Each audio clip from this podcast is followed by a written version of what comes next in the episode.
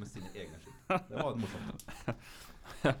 Det her, det er, men eh, sånn for øvrig, det her høres bra ut sånn lydmessig, så, så, så nå bare går opptaket. Da, vi kan bare kjøre på. Hjertelig velkommen til Skytterpodden episode nummer tolv.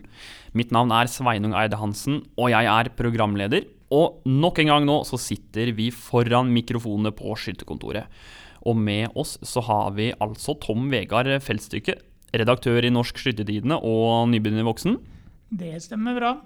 Og så har vi med oss eh, Terje Vestvik. Du er eh, faktisk kommunikasjonssjef i DFS, og ikke minst rykka opp i klasse 4. Takk for det. Og vi skal eh, gjennom litt forskjellige interessante saker i dag. Den kommende utgaven av Norsk Skyttertidene. Vi skal snakke om hva som altså ligger på nyhetsdesken til redaktøren. Og så skal vi snakke om organisasjonsutvalgets rapport. Vi skal innom diskusjonsforumet, og ikke minst spalten Terjes hullkorn. Så først og fremst så mangler det egentlig en person i studio her nå, på tross av at eh, Tom Vegard Felstykke prøvde å hente inn eh, noen fra forumet. Det prøvde jeg på, men det var jo ganske kort varsel, så jeg er ikke så overraska at ingen beit på nå. Men er det noen ute i Skytter-Norge som har lyst til å være deltaker i eh, Skytterpodden? Det er veldig uhøytidelig og ufarlig, så ta gjerne kontakt med meg, så skal du få sjansen seinere. Ja, for nå, nå mangler vi Ola Fjuk Herje her. Ja, uh, Utdanningsavdelinga vår på Skytterkontoret har en eh, workshop som du er med på i der dagen her. Ellers så la jeg merke til at vi fikk, det var ti likes du fikk, eller sånt, så vi må kanskje tro at vi har ti lyttere på denne podkasten. Ja, det er ikke verst. Altså Når vi er inne på antall eh, lytt og sånn, så, så kan vi jo nevne at eh, forrige episode, som vi spilte inn for eh, ja, drøye tre måneder siden, den har faktisk 398 lytt. Ja, vi må være fornøyd med det, tror jeg. Ah, jeg, Så vi prøver å komme på over 400 i dag. da Skal vi satse på det?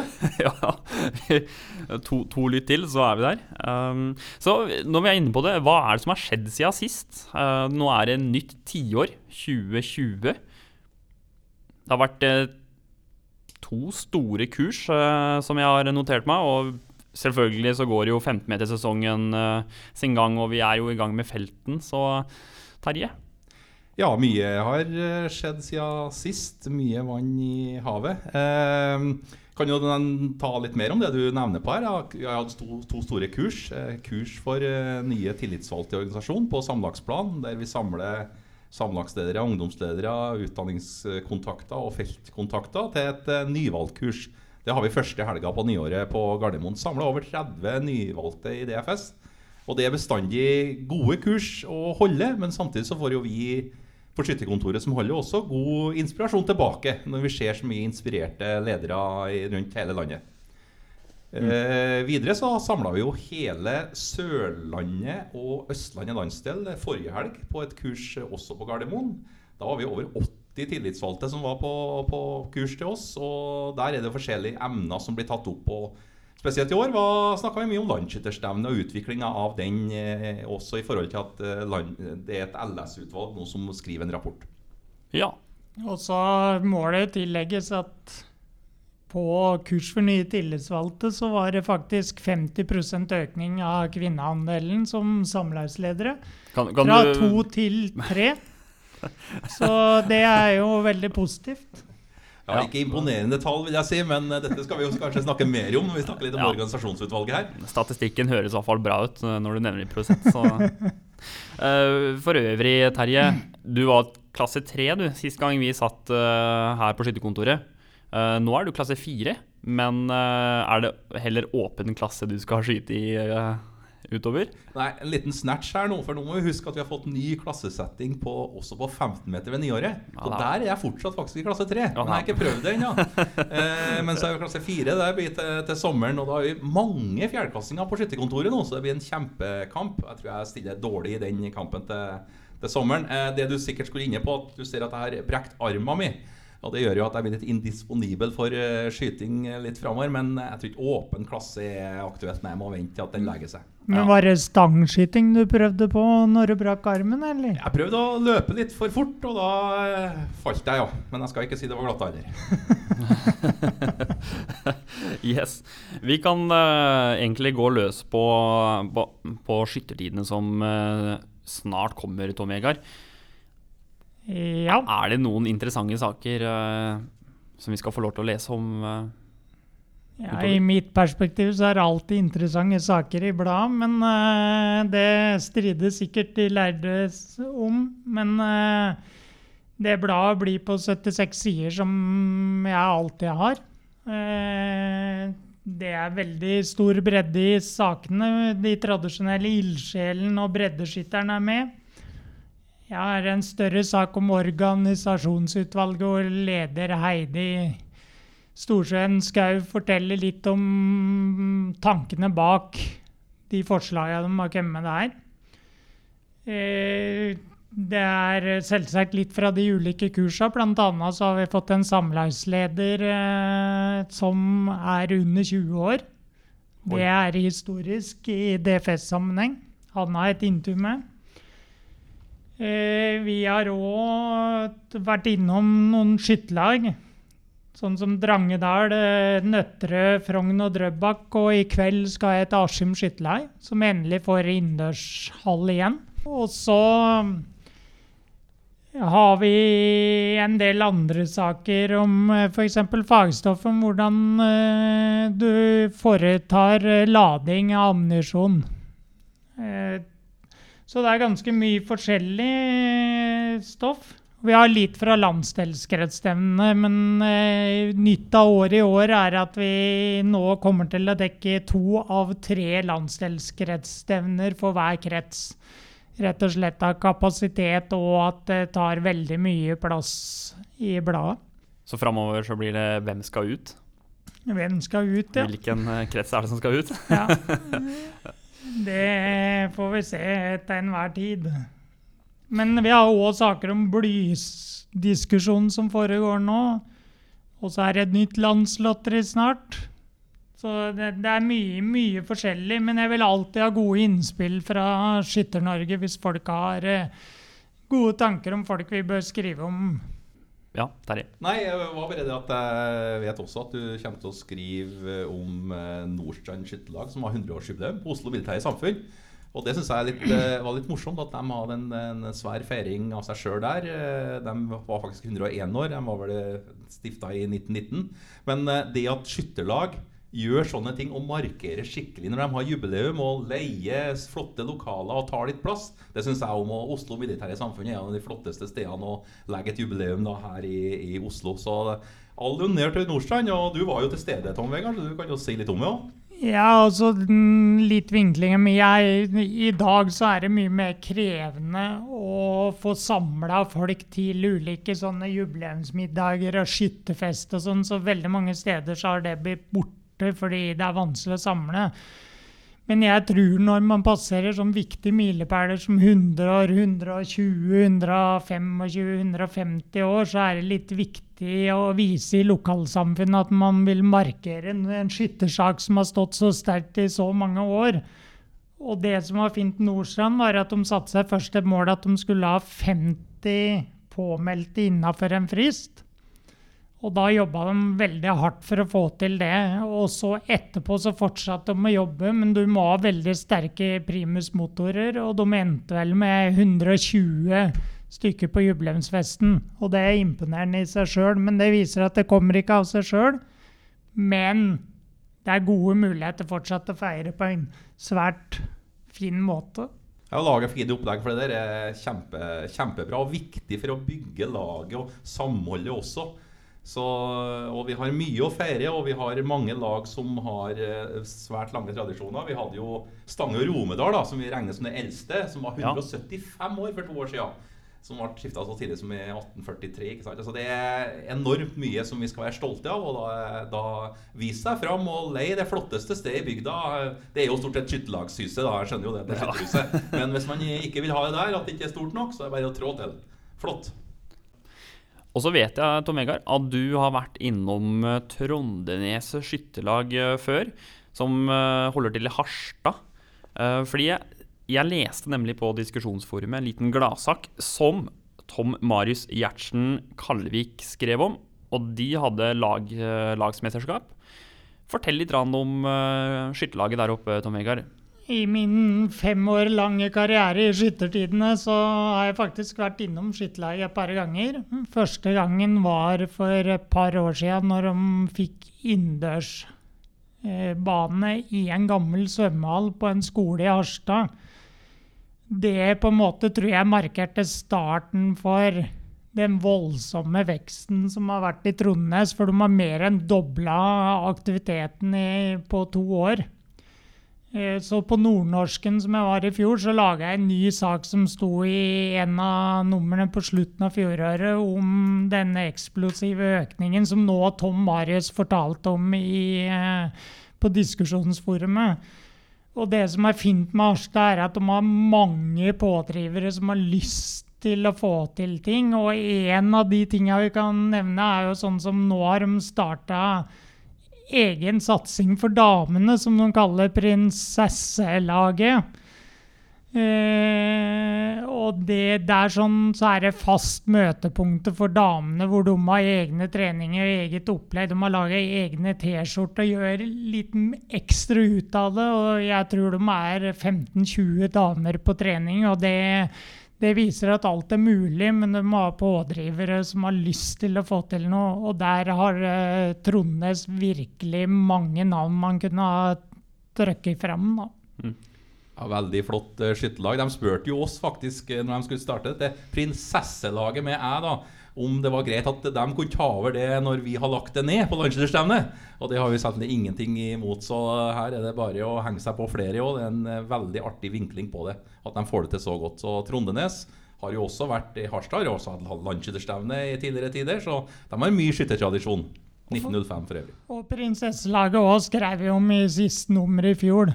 Så alle sånne gode tiltak ute i Skytte-Norge kan folk gjerne sende bilde og litt til meg, så prøver jeg å få det med i Skyttertidene eller på nettsida vår. For det er viktig å gi inspirasjon og motivere resten av skytterlagene. For øvrig, for de som ikke er så kjent med Trondenes, det er vel strengt tatt der Adolf Kanon eh, er plassert? Dette vet eh, helt sikkert du, og det er riktig. Ja, det, jeg jeg det, ikke sant? Og når jeg sa, jeg sa i stad at det var 1905, de har også i 1946 da, eh, de fikk det første landslagsstevnet etter krigen. De skulle jo holde i 1940. Litt morsomt da at den nullen på i 40 De gjorde om den logoen bare bare sette en liten strek, så ble det 46. De gjorde ikke mer med logoen når de fikk landslagsstevnet tilbake igjen i 1946. Artig. Ja, kostnadseffektivt. Og så skal vi over til eh, et tema som tilsynelatende ser ganske tungt ut, og det er eh, organisasjonsutvalget. Men eh, bak den der tunge termen organisasjonsutvalget, så vet jeg at det skjuler seg litt spennende saker, eh, Terje. Ja, mange spennende saker, og det kan jo kanskje for mange høres litt kjedelig ut. Jeg har fått æren av å være sekretær for utvalget, som har bestått av fem personer rundt om i, i hele landet. Og, og de har jobba godt i tre år, og de har eh, avtappa, som en kan kalle, mot organisasjon. Spurt også organisasjon er det noe som ønskes av endringer. Og dette er helt fra skytterlagsnivået til oss som sitter sentralt. Og så hadde de en eh, ny høringsrunde der organisasjonsutvalget begynte å bli enige om noen eh, ting de ville se om de var på rett kurs. Og så tok de med samlagene nå i fjor høst og hadde en ny høring på det og fikk eh, korrigert kursen. Og leverte nå rapporten til Skytterstyret, som ble offentlig her nå ved månedsskiftet januar-februar. Og dette er jo ikke eh, kjedelig hvis man ser på innholdet her. Her er det mange interessante ting de har eh, tatt opp. Kanskje spesielt på sentralnivået vil jeg si det, det meste forslag om, om endringer. Og, og det som utvalget, når jeg har sittet på møtene, har diskutert mest og har vært veldig tung på, det, har, det er foruten eh, organisasjonsstrukturen og hvordan vi har det med skytterlag og samlag og landsdelskretser og hvordan er vi organisert på sentralt nivå, så går det spesielt på eh, hvordan er vi i våre styre utvalg i forhold til kjønn og aldersfordeling.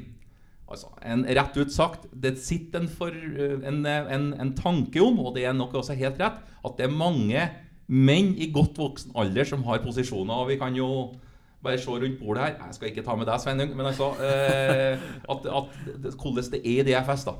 Og det er en diskusjon om en skal begynne med noen form for kvoteringssystem. I hvert fall på sentralt nivå, og spørsmålet om det også skal være på samlags- og lagsnivå.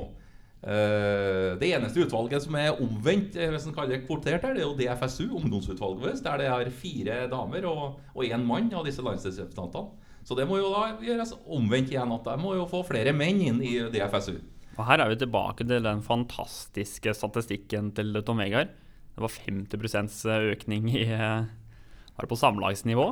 Ja, som antall ledere som har gått fra to til tre av 48 samleisledere. Så det er en jobb å gjøre. Og så kan man alltid diskutere om kjønn. At man er avhengig av kjønn for å gjøre gode vedtak og gjøre de forskjellige eh, tanker man skal gjøre for framtida. Men eh, hvis man ser rundt oss både profesjonelt og ikke minst i idretten, så har jo dette blitt et tema som vi på en måte ligger etter alle andre med å prøve å få flere til å bli med, sånn at vi får bredere sammensatte styrer og utvalg. Og jeg personlig, ut fra min erfaring med å ha hatt veldig mye tillitsverv eh, opp igjennom, så er jeg overbevist om at man gjør bedre vedtak med både å ha bedre alderssammensetning i styrer, og at man har bredde i eh, At man både har menn og kvinner. Fordi man tenker litt ulikt om man er 60 år eller 20 år, eller om man er mann eller kvinne, så har man litt ulike innganger. Og derfor tror jeg det er sunt at DFS så tar inn over seg at man vil jobbe litt hardere for å gjort noe med det, da. Mm. Og så en annen ting. Bare noen kilometer unna her vi sitter nå, ned i eh, der regjeringa sitter, så, så, slår det Kommuner slås sammen, og fylker slås sammen. Men DFS sin eh, struktur, eh, oppdeling av eh, kongeriket, hvor gammel er den? Ja, jeg kan ta den først. Jeg vil snakke litt mer om oh, ja. kjønnsgreia etterpå. Men vi kan, vi, kan, vi, vi kan, ta den først. Eh, altså, samlagsstrukturen, det at det heter skyttersamlag i hele tatt, er jo for de gamle regimentsgrensene i 1907 til 1909.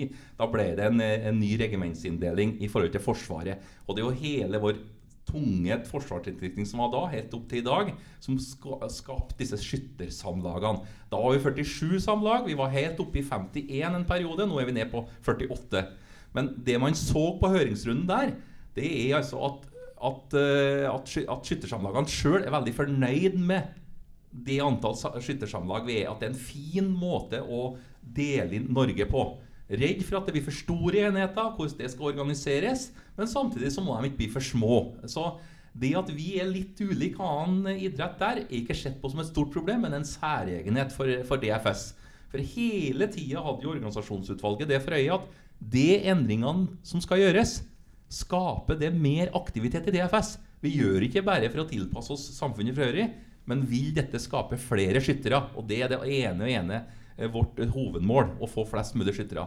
Men så er det noe med terminologien vår og hva vi bruker, og hvordan vi er i forhold til andre, andre eh, organer i samfunnet også, som vi selvfølgelig må ha, ha fokus på. Men uh, utvalget sier jo samtidig i rapporten at de syns at man bør ta lokale initiativ til å vurdere samlagsgrenser der det er tettere mellom samlagene enn kanskje litt lenger nord eller på Vestlandet, hvor det er mer krevende med avstander. Da. Så de, de sier ikke bare enighet til eh, det samlagene sier.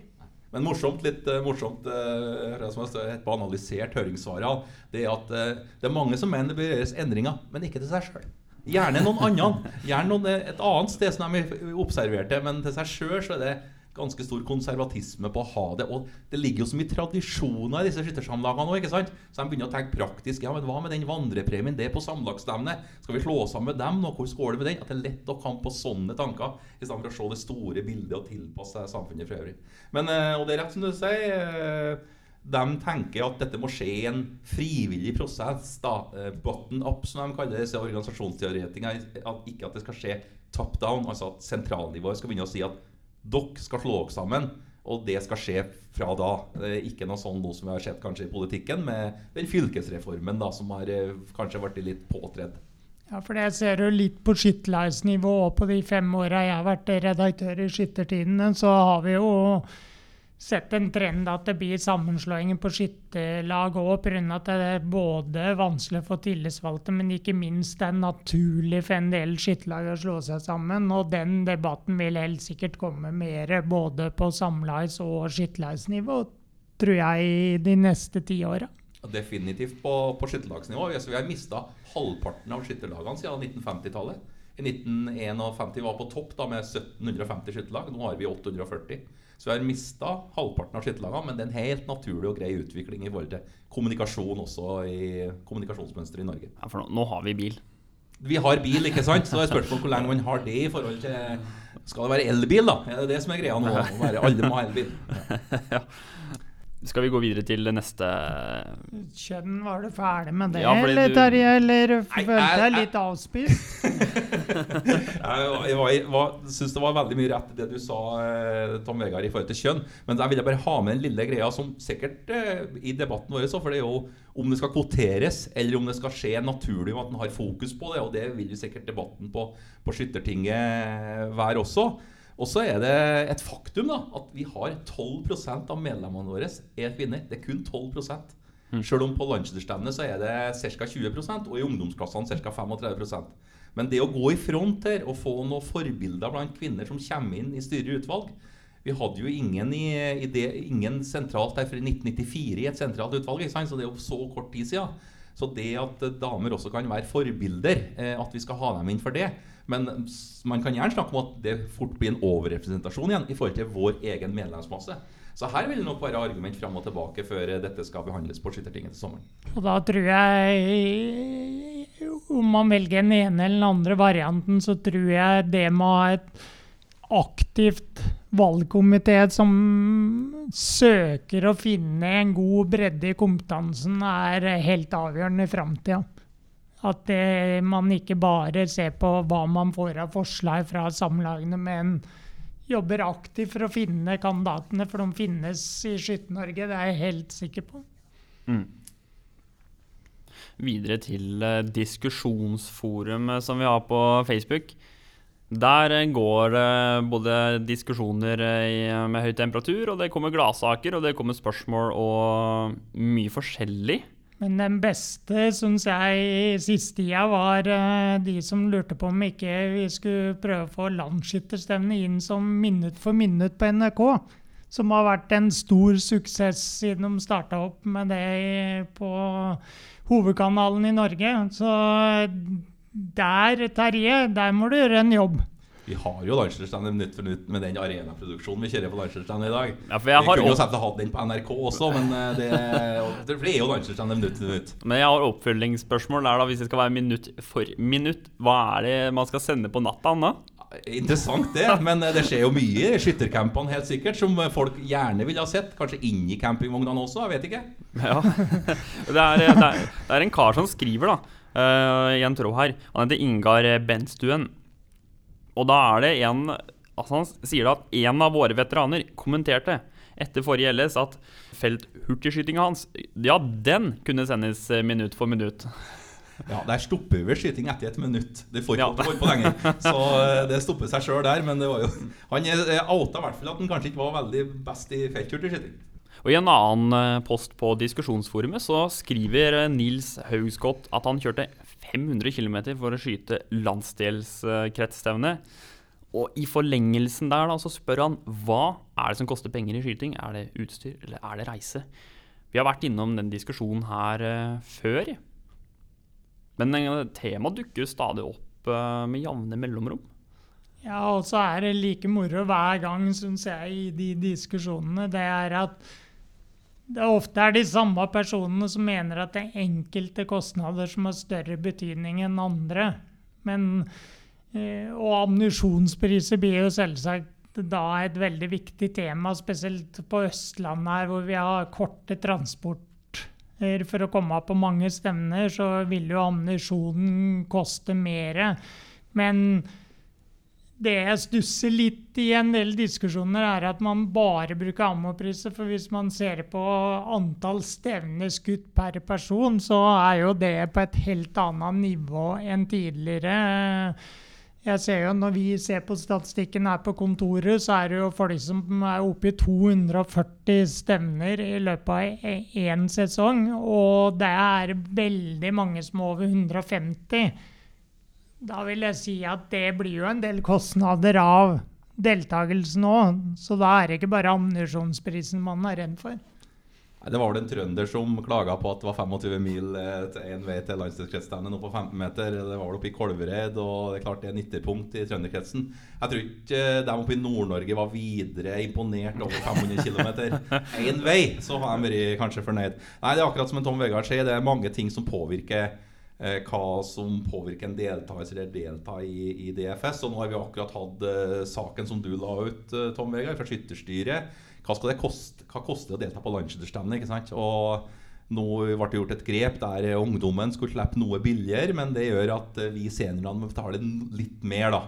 200 kroner ned for ungdommen, 100 kroner opp til seniorene. Det forteller nok ikke mye. Og i det store LS-regnskapet til familier så er nok påminningsavgifta ikke, ikke, den aller største. Men nå er vi over til premiering, f.eks. På landslagsstevnet så utgjør jo premiene, sølvbegerne, en veldig stor del av det du betaler for når du melder deg på. så det er jo viktige debatter, men, eh, men det som Tom Vegard sier, eh, det er ulikt synspunkt på hva det er som teller mest, og hva som er det som tar drepen på skytinga i forhold til kostnader. Det kan være litt forskjellig.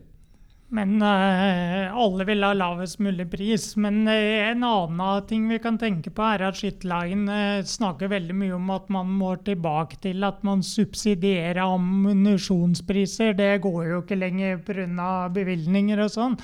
Men da er det litt kjekt å se at skittlagene har jo fått noen nye inntekter de siste åra. Sånn som jeg laga en sak nå på hvor mye skittlagene henter ut gjennom grasrotandelen i Norsk Tipping. Og der har jo skittlagene fått tilført 12,5 millioner ca. i eh, midler de ikke hadde for ti år sia. Så skittlagene har jo fått kanskje noen midler de kan bruke til å støtte opp under uh, ungdomsaktiviteten. Og jeg veit mange skytterlag gjør det òg. Subsidierer ammunisjon. Og det, jeg tror at i en sånn større perspektiv så må man nå se hvilken inntektspotensial man har på ulike områder, og så må man bruke det veldig fornuftig.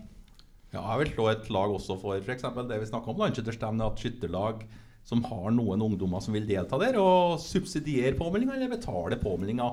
For det er så viktig for DFS og helheten at vi får flest til å komme inn i, i dette med å delta på landsdelsstevnet og ser hva det er, og få smaken på det. Det er viktig for framtida til landslagsstevnet. Så uh, at skytterlag som har økonomi til, tenker i disse tanker, det syns jeg har vært veldig bra. Og mange gjør det, som Tom Vegard sier, med subsidier og ammunisjon, men også kanskje betaler påmeldinga på de store stevnene til de rekruttene man har. Mm. Men samtidig så er det jo på sin plass at man ser på tiltak som kan få ned kostnader. F.eks. trenger man sølvbeger, som Terje var inne på. Eh, en annen ting er jo at noen ytrer seg negativt med at man f.eks. har samarbeidsavtaler med Frende osv., men de eh, samarbeidsavtalene tilfører jo organisasjonene midler som gjør at man får dekket kostnader man må, ellers måtte ha belasta skytteren. Ja, jeg så denne diskusjonen på, på, Facebook, og det er viktig det å understreke at organisasjonen sentralt bruker ca. 3,5 millioner kroner på landslagsstevnet. Og selv om arrangøren går med et overskudd, så skal vi altså finne inndekning også for de pengene som vi nå ikke lenger får eh, noe fra Forsvarsdepartementet. Så vi trenger private midler, vi trenger sponsorer for å klare å arrangere dette flotte standet vårt. Kanskje Red Bull eksempel, som eh, kaster seg på etter hvert. De skal jo begynne å drifte operaen eh, nede i Oslo, så Kanskje skyting kan være noe for Red Bull? Ja, vi sitter jo også som sekretær for LS-utvalget, Landslagsstevneutvalget nå. De jobber jo med disse sånne problemstillinger. ikke sant? Hvordan kan vi få eh, større inntekter for landslagsstevnet? For det utvilsomt har vi et potensial som ikke er fullt ut utnytta. Vi kan gå over til eh, den faste spalten som vi har hver gang. Vi har den spalten til og med når eh, vi mangler Terje.